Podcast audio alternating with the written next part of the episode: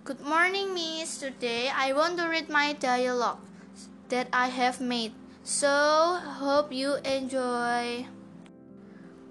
Sarah. Hey, Jacob. What are you doing right there? Jacob. Oh, hey, Sarah.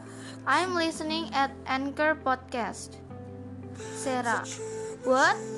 YouTube is way better. You can watch a video. Jacob. But you can see other apps while watching video on your YouTube. Sarah. But YouTube have a video on it. Meanwhile, Anchor, you can only listen. Jacob. Huh?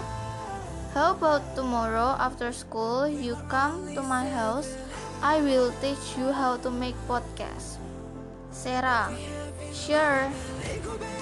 Thank you, Miss, for listening.